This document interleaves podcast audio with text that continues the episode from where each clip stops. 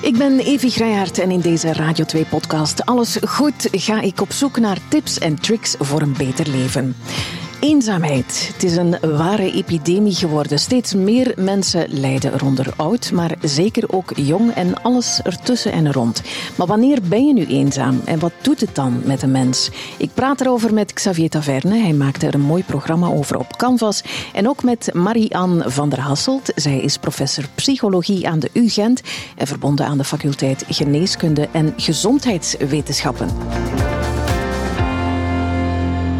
Xavier. Dag Evie. First things first, alles goed? Redelijk wel, ja. Oké. Ik heb uh, niet echt uh, ergens over te klagen. Dus dan gaat het goed, zeker? Voilà, dat is, dat is helemaal prima. Um, als er toch iets zou zijn in de loop van de uitzending, dan... Uh, dan laat ik het zeker weten. Voilà. Marianne, ook bij jou, alles goed? Ja, Evie, ik ben heel blij van hier te zijn en bij warme mensen aanwezig te zijn. Voilà, voilà. Dat doet ons plezier. Hoe is het met jou? ook goed. Ja, ik voel mij helemaal niet eenzaam. Uh, met jullie erbij. Uh, ik voel een oprechte, echte connectie. Dus uh, ja, dat doet mij plezier. Um, we gaan het hebben over eenzaamheid, want er zijn helaas wel veel mensen die zich eenzaam voelen. Xavier, jij maakte er een paar jaar geleden een heel mooi programma over voor Canvas. Um, waarom wou je dat doen? Omdat eenzaamheid echt iets is dat um, mij heel erg raakt. Ik heb een heel dik olifantenvel gekweekt door op een nieuwsredactie te werken. Maar gelukkig zijn er nog altijd dingen die mij wel kunnen raken. En zo een van die dingen, en dat is een clichébeeld van eenzaamheid, maar het is wel een beeld dat mij heel erg raakt. Oudere mensen die met twee boodschappentassen aan een zebrapad staan en die de grootste moeite hebben om ze één te dragen, maar twee ook over te steken en uiteindelijk ergens aan te komen. En bijna de wanhoop zien in de ogen dat ze dat alleen moeten doen en moeten dragen, letterlijk en figuurlijk. Ja. En ik dacht, als, als ik dat zo vaak zie, enfin, zo vaak, als ik dat toch geregeld zie, dan zijn dat zeker niet de enige. Het zijn Mhm. zeker niet alleen oude mensen. Het zit een beetje overal en ik begon erover te praten. En hoe meer ik erover praat, hoe meer ik de nood voelde om het in beeld te brengen, om het een gezicht te geven, om eenzaamheid een gezicht te geven. En te tonen aan iedereen die er niet over wil en kan praten, dat eenzaamheid bij de 18-jarige jongen zit die op zijn kamer alleen zit te gamen. Maar ook inderdaad bij um, de plus 80er die alleen nog een pot Sansevieria heeft ja. op de vensterbanken naar buiten zit te turen. Mm -hmm. Die twee uitersten die raken elkaar ook en alles daartussen. Dus dat wilde ik heel graag laten zien. En van het moment dat we met de research aan de slag gingen, bleek dat de nood om dit te maken heel groot was. Mm -hmm. Heb je jezelf soms eenzaam gevoeld? Um, niet eenzaam, wel alleen. En dat vind ik toch, voor mezelf heb ik, en daar kunnen we ongetwijfeld uitgebreid over discussiëren, maar na het maken van het programma Eenzaam heb ik voor mezelf de definitie gemaakt dat eenzaamheid is voor mij als alleen zijn geen keuze is. Okay, ik, ik ja. kan ervoor kiezen om alleen te zijn, maar ik ben mm -hmm. niet eenzaam, want ik hoef maar mijn hand uit te steken, letterlijk of figuurlijk, en ik kan in connectie treden. Ik heb, ben omringd met de beste vrienden, mm -hmm. met ouders, met familie waar ik echt een connectie mee heb. Ja. Maar ik kies er vaak bewust voor om alleen te zijn. Omdat ik dat nodig heb, omdat ik wil ontprikkelen, omdat ik alleen wil zijn en wil weten wie ik ben in deze wereld, zonder dat ik in connectie ben met anderen. Mm -hmm. Maar er zijn best veel mensen voor wie alleen zijn geen keuze is. Dat overkomt hen en ze zijn alleen. Ja. Marian, ik zie jou hevig knikken bij alles wat Xavier zegt. Uh, misschien beginnen bij het begin. Hè. Bestaat er een definitie voor, voor eenzaamheid? Ja, er bestaan verschillende definities voor. En er zijn ook een, een verschillende soorten eenzaamheid. Je kan Mhm. mm -hmm. sociale eenzaamheid aan de ene kant is het sociale van geen netwerk te hebben, alleen zijn. Ja, mensen die wel willen met andere mensen uh, in interactie treden, maar dus alleen zijn en onvrijwillig alleen zijn. Maar diegene die eigenlijk meer gelinkt is aan emotionele problemen, maar ook fysieke aandoeningen, is de emotionele eenzaamheid. Ah, het feit dat je alleen bent, maar niet het gevoel hebt dat je verbinding kan maken met anderen, dat andere mensen je begrijpen, dat je in, dat andere mensen in vertrouwen kan, kan, kan nemen. Als je bijvoorbeeld in de winkel staat en, of, of met je winkeltassen en dat je kan tonen dat je, ja, dat je hulp nodig hebt of dat jij andere mensen nodig hebt om, om je te steunen. Als je dat niet hebt, dan heb je ook die emotionele eenzaamheid. En dat is het probleem. Het is vaak alleen zijn is een feit, maar eenzaamheid is eerder een gevoel. Een gevoel dat je Mhm. niet terecht kan met de mensen rondom jou. Ja, dat is inderdaad een gevoel. En de grootste misvatting is dat je omringd kan zijn met mensen en daardoor dus niet eenzaam bent. Maar ja, we hebben Ja. eh, door wat jij net ook al zei vastgesteld dat dat wel zo is. Dus een verschil tussen hè, twee types, eh, de sociale en de emotionele eenzaamheid. Eh, is er dan zoiets als hè, een definitie voor eenzaamheid? De definitie van eenzaamheid is dat, jij, dat er een gemis is in je leven. Tussen de, het aantal of de, de connectie dat je hebt met de mensen rondom jou. En dat heeft eigenlijk niets te maken, zoals Xavier zegt, met het aantal mensen die je kent. En het gevoel dat jij met andere mensen in, ja, intiem kan zijn, maar dan hè, Ja. emotioneel intiem kan zijn. Echt delen. Echt delen. Hè, bijvoorbeeld als, ik, eh, als je problemen hebt, dat je de mensen rondom jou vertrouwt. En dat is de eenzaamheid. En echt een subjectief gevoel. En daar kan inderdaad niemand over oordelen. Dat kan enkel jezelf oordelen. Ja, daar hangt ook een zekere schaamte rond, eh, heb ik het gevoel. Hè? Ehm, heb jij dat ook gemerkt in ja, het tv-programma dat je gemaakt hebt? We hebben heel veel mensen gesproken die ehm, eenzaam zijn, of ons vertelden dat ze eenzaam zijn, dat gevoel opnieuw. Maar heel weinig mensen kunnen overtuigen om er inderdaad ehm, over te spreken. Veel mensen wilden dat wel anoniem doen, maar ja, dat was natuurlijk niet het opzet van het programma. Het programma was er net op bedoeld om het een gezicht te geven. Dus we Ja. hebben mensen echt moeten overtuigen. We zijn heel vaak langs geweest, vier, vijf, zes keer, zonder camera's eerst om dat vertrouwen te winnen. Hè? Want Ja. mensen die eenzaam zijn, maken die connectie niet, hè? zoals jij net al zei. Ja, waarom zouden ze dat dan wel doen?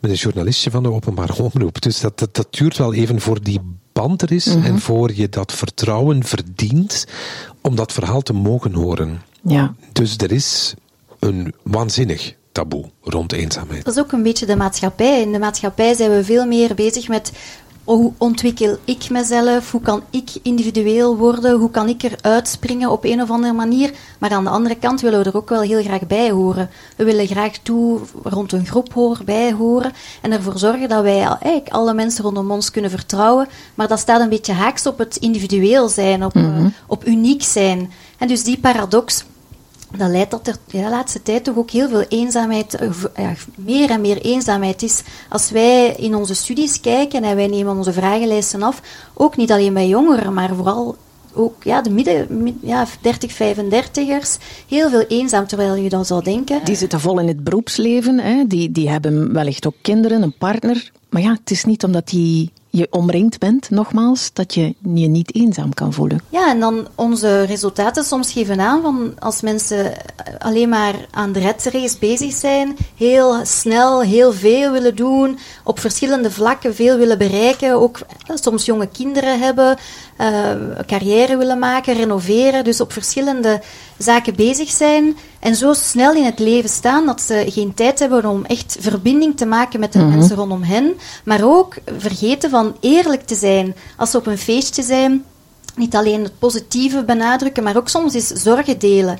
Maar dan van het ene feestje moet dan naar het volgende gegaan worden. Je kijkt bijna op je klok wanneer dat je op het volgende Ja. moet geraken. Waardoor dat je weinig tijd hebt om echt, echt een gesprek te hebben en te vertellen hoe het met je gaat. En dat je misschien met bepaalde zaken zorgen hebt.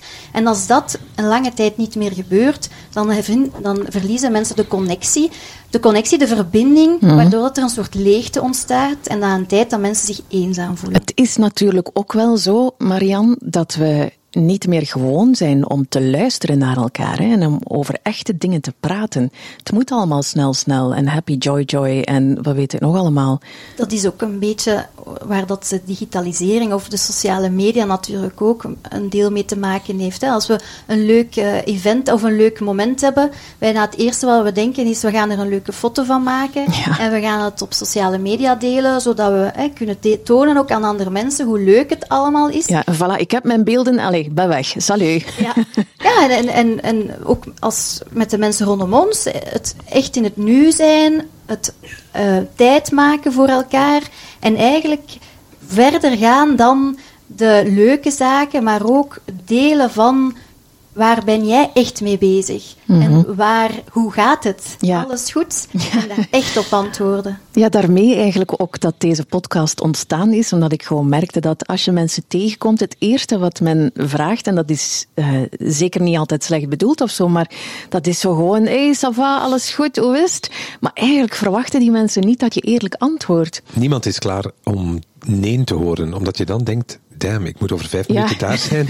Dit gesprek kan ik nu niet hebben. Ja, Ja. Wat, doe, wat doe je daar dan mee, hè? Ehm, ik zou denk ik, meestal als mensen dat dan wel doen, dan probeer ik wel echt een aantal minuten intensief te luisteren.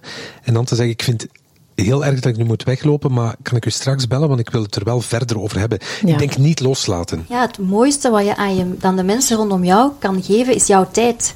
Dat is het meest belangrijke, is tonen dat jij voor hen er wil zijn en dat jij het belangrijk genoeg vindt en de moeite het waard vindt om daar jouw tijd aan te geven, want tijd is heel kostbaar geworden. Maar ook tegelijkertijd, en daar, dat is een persoonlijke valkuil voor mij, niet proberen ehm, iedereen te willen redden die nee antwoordt op die vraag. En dat vind ik zelf een hele moeilijke.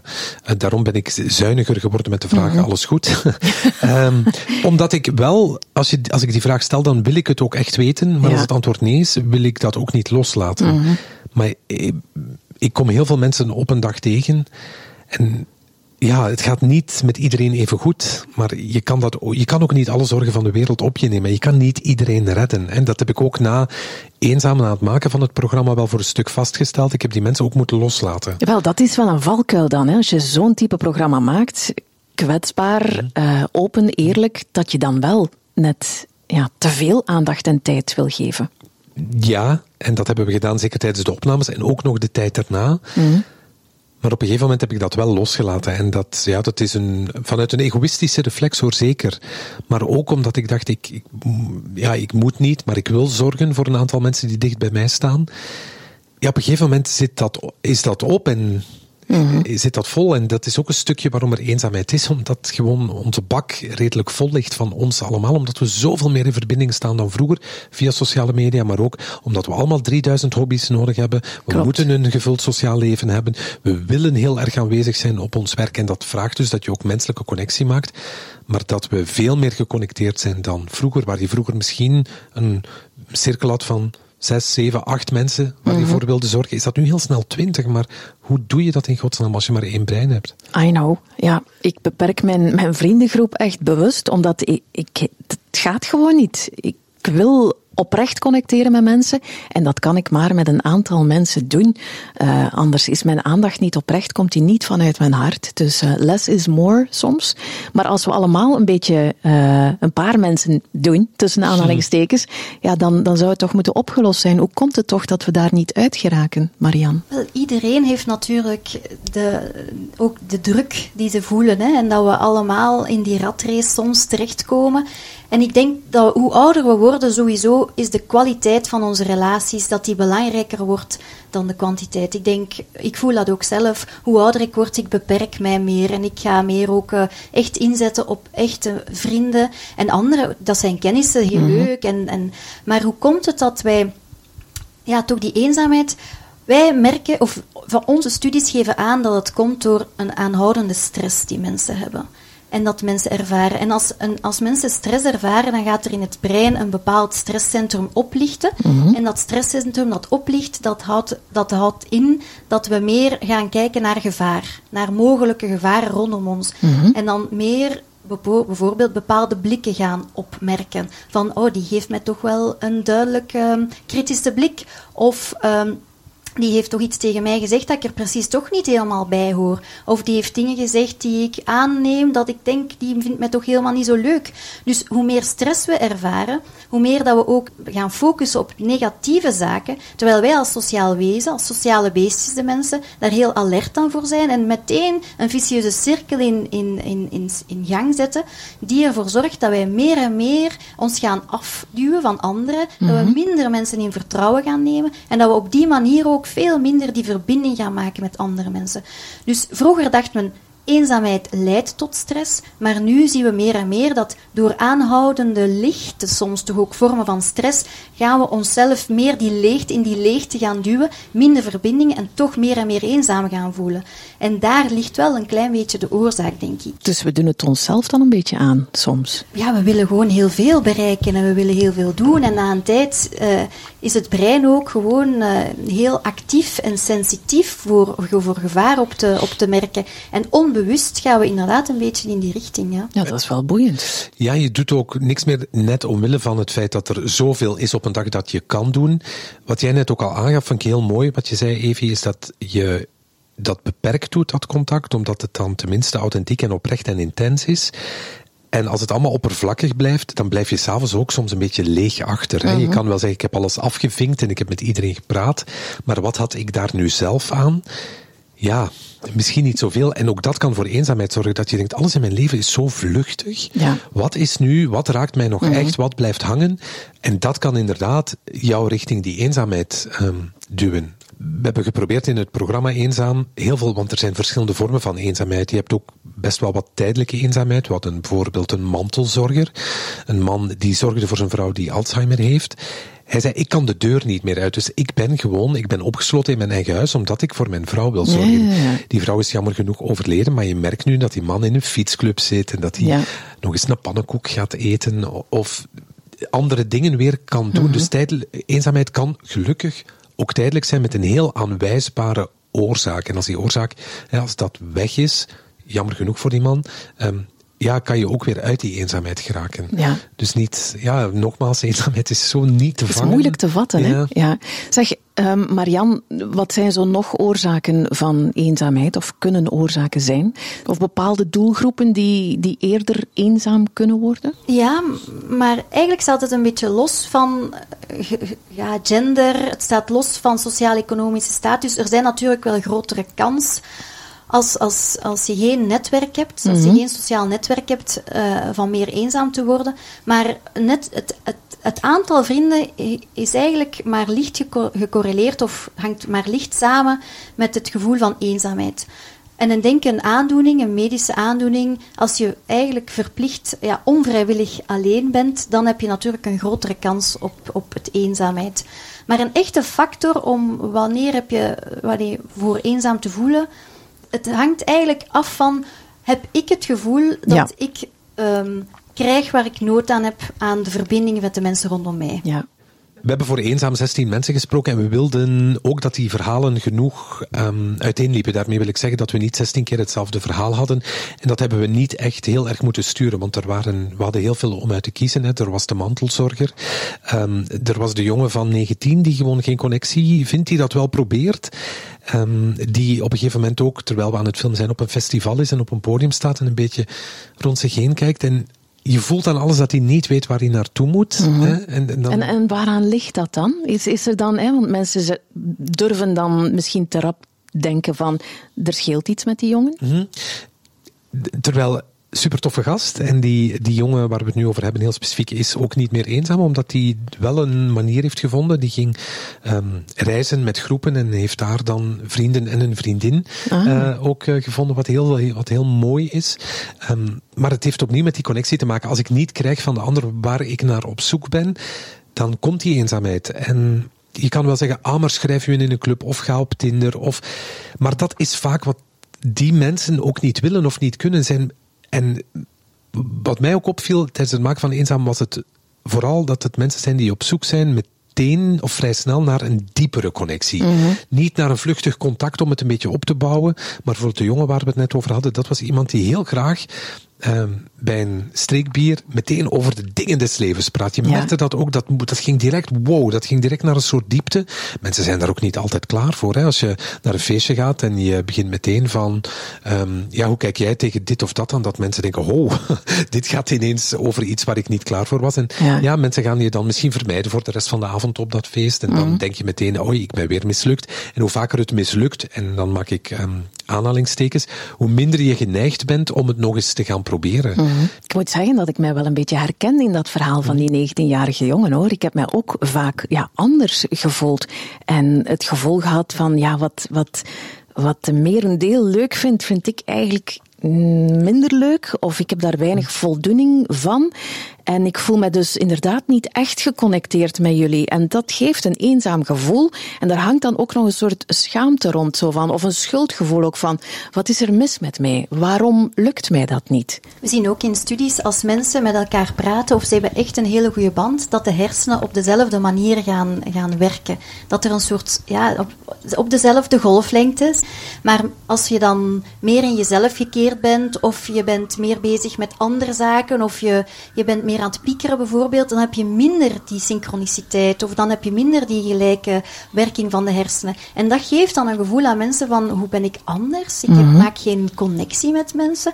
Maar daar, daar, dat zien wij ook dus in de hersenen en ook in de rest van het lichaam, dat wij echt sociale wezens zijn, dat wij zoeken naar verbinding met anderen. En als we dat niet vinden, dat we dan een leegte ervaren. En dat heeft, ja, dat kan op sommige momenten, bij sommige mensen kan dat er meteen zijn, en bij andere mensen heb je heel veel moeite om die verbinding te maken. We merken ook dat het niet altijd gemakkelijk is om over zulke zaken of thema's die zo'n beetje taboe zijn te spreken. Hè. En om dan, als je dan inderdaad connectie vindt met anderen en je kan daarover spreken, dan zijn dat de beste banden. En dan voel je dat direct ook. Maar soms, en zeker als het vluchtige feestjes zijn en iedereen hè, wil het zich eigenlijk amuseren, want lachen is ook heel belangrijk natuurlijk. Hè. Lachen weten we dat een hele grote buffer is tegen stress. En we weten dat dat heel belangrijk is. Maar ook verdriet en zorgen en, en uzelf zijn en eerlijk zijn is ook heel belangrijk. Het is een mooi evenwicht proberen zoeken. Ja, ik vond het ook wel mooi dat je zei van eh, eenzaamheid kan ook tijdelijk zijn. Eh, gelukkig maar. Het kan ook overgaan.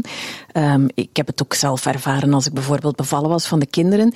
En dan hè, zit het systeem toch nog zo in elkaar. Ja, de vrouw blijft dan thuis drie maanden. Ik had zoiets van, no, don't leave me here. Ik weet het ook niet, het is ook de eerste keer.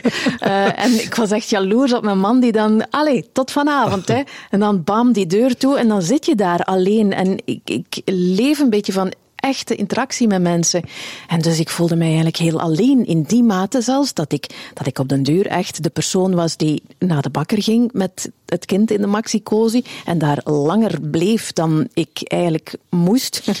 En, en nog een keer twijfelde, zou ik nog eh, een pak kaas meedoen? Of wat voor broodje is dat daar? En nog even over het weer babbelde om, ja, om contact te hebben met mensen. Dus En daar hangt een heel groot taboe rond. ik voelde mij ook heel schuldig, want ik dacht, ja, maar, ik ben geen goede moeder, want ik moet hier op mijn roze wolk eh, zitten rondsurfen en het allemaal fantastisch vinden. Ik vond het niet fantastisch. Ik voelde mij alleen slash eenzaam. Ja, maar daar zijn, dat is absoluut heel goed dat je dat aanhaalt, Evi. Want wij zien dat inderdaad, ook al voelen mensen zich heel gelukkig en oprecht dankbaar voor hun kind, maar die momenten als, als zij moeten thuisblijven voor de kinderen en er vallen heel veel sociale contacten weg en het leven gaat eigenlijk door, dat dan er een, ja, een hele grote eenzaamheid komt. Een, ze noemen het ook de drukste eenzaamheidsperiode. Want je Ja, ziet, dat is hè, mooi, ja. ja, er zijn, heel veel mensen rondom jou die misschien op bezoek komen, maar eigenlijk heb jij het gevoel van, ik heb hier eigenlijk iets anders nodig. Ik heb echt mensen die voor mij komen, misschien op regelmatige momenten eens langskomen, een babbel doen, of, Mhm. of bij de bakker zoek je die dan, maar eigenlijk heb je die nodig, veel meer nodig dan mensen bij jou thuiskomen en dat je samen dingen kan beleven. Maar een klein kind verhindert dat nu eenmaal. Ja, ja, ja. Ja, ik zag jou ook eh, bevestigend knikken. Eh, eh, Als, ehm, als er vrienden, ehm, of als een, een vrouw bevalt in onze omgeving, een vriendin, dan kopen wij ook altijd iets voor haar en niet voor het kind. Ik vind dat wel mooi, ja. Omdat ik denk, kom jong, je hebt al genoeg afgezien. Eh, dus doe iets voor jezelf. Daarom moest ik gewoon even knikken. En, en, en lachen niet dat je daarmee de eenzaamheid gaat verhelpen, natuurlijk. Wat is de impact eigenlijk van eenzaamheid, Marian? Wel, eenzaamheid zorgt ervoor dat ons lichaam uitgeput geraakt. Dat ons lichaam ja, op fysiologisch vlak ervoor gaat zorgen dat wij met, eh, proberen gevaar aan te, aan te pakken.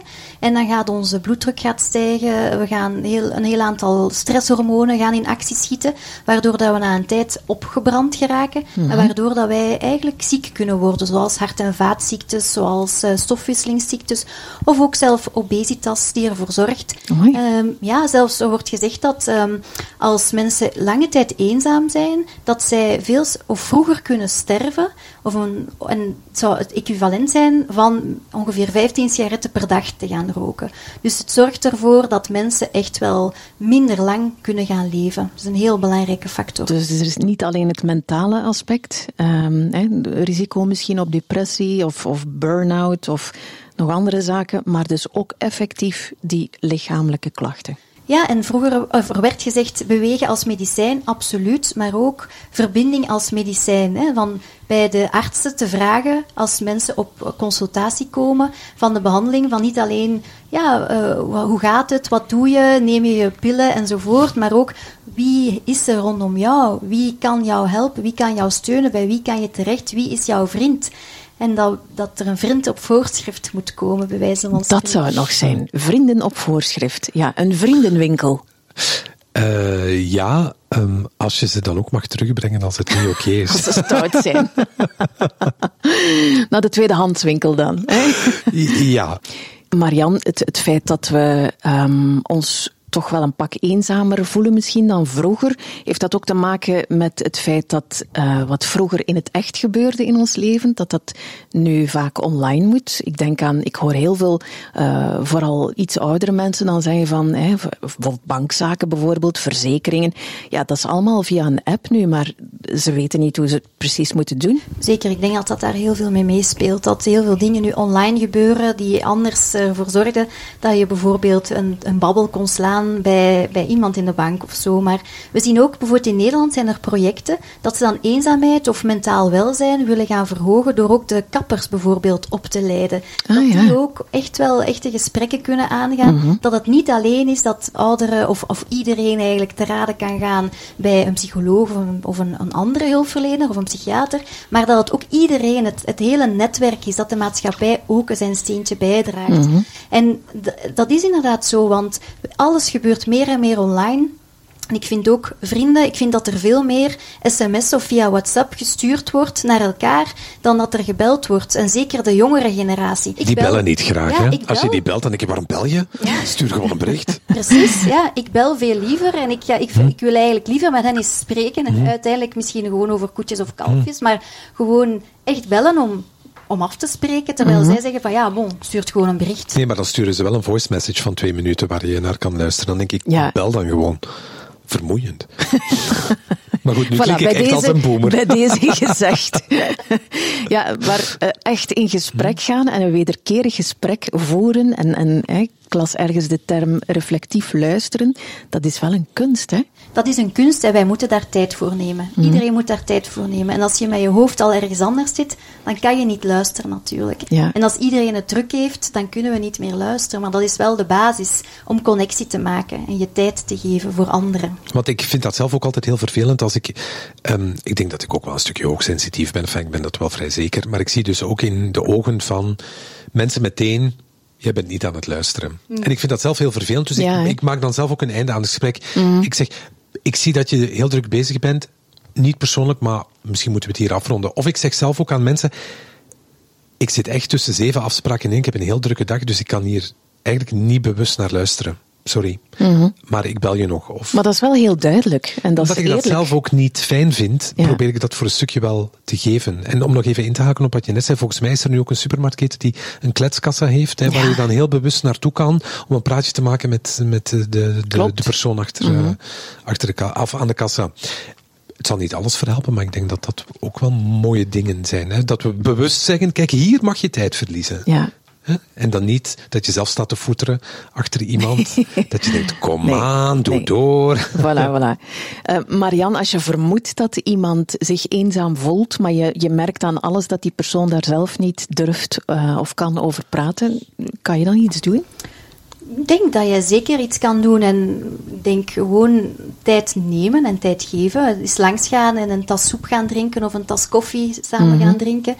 Um, of, of, of ervoor zorgen van eens een wandeling samen te gaan, te gaan maken. Want als we zien, hoe kan jij eenzaamheid verhelpen, is niet van mensen in een groter sociaal netwerk te brengen, want dat heeft eigenlijk niet zoveel zin op dat ogenblik, maar is om hun stresssysteem te gaan verlagen. En dat mhm. kunnen we doen door niet te gaan reflecteren en na te denken en in, in allemaal uh, traumaverwerkingsprogramma's te steken, maar eerder te gaan nadenken van hoe kunnen wij via bijvoorbeeld lichamelijke oefeningen, hoe kunnen wij via um, ja, meditatie eventueel, maar gewoon om de connectie tussen lichaam en brein te maken en door een, een signaal te geven aan het brein om weer tot rust te komen en niet te gaan kijken en te gaan focussen op het negatieve, op waar ze uitgesloten zijn, en waar eigenlijk zij zich niet meer, eh, waarom dat ze zich niet meer verbonden voelen. Maar echt, echt via die stressmanagement te gaan werken. In Nederland heb je ook een, uh, in bepaalde steden, want dat is dan weer niet landelijk geregeld,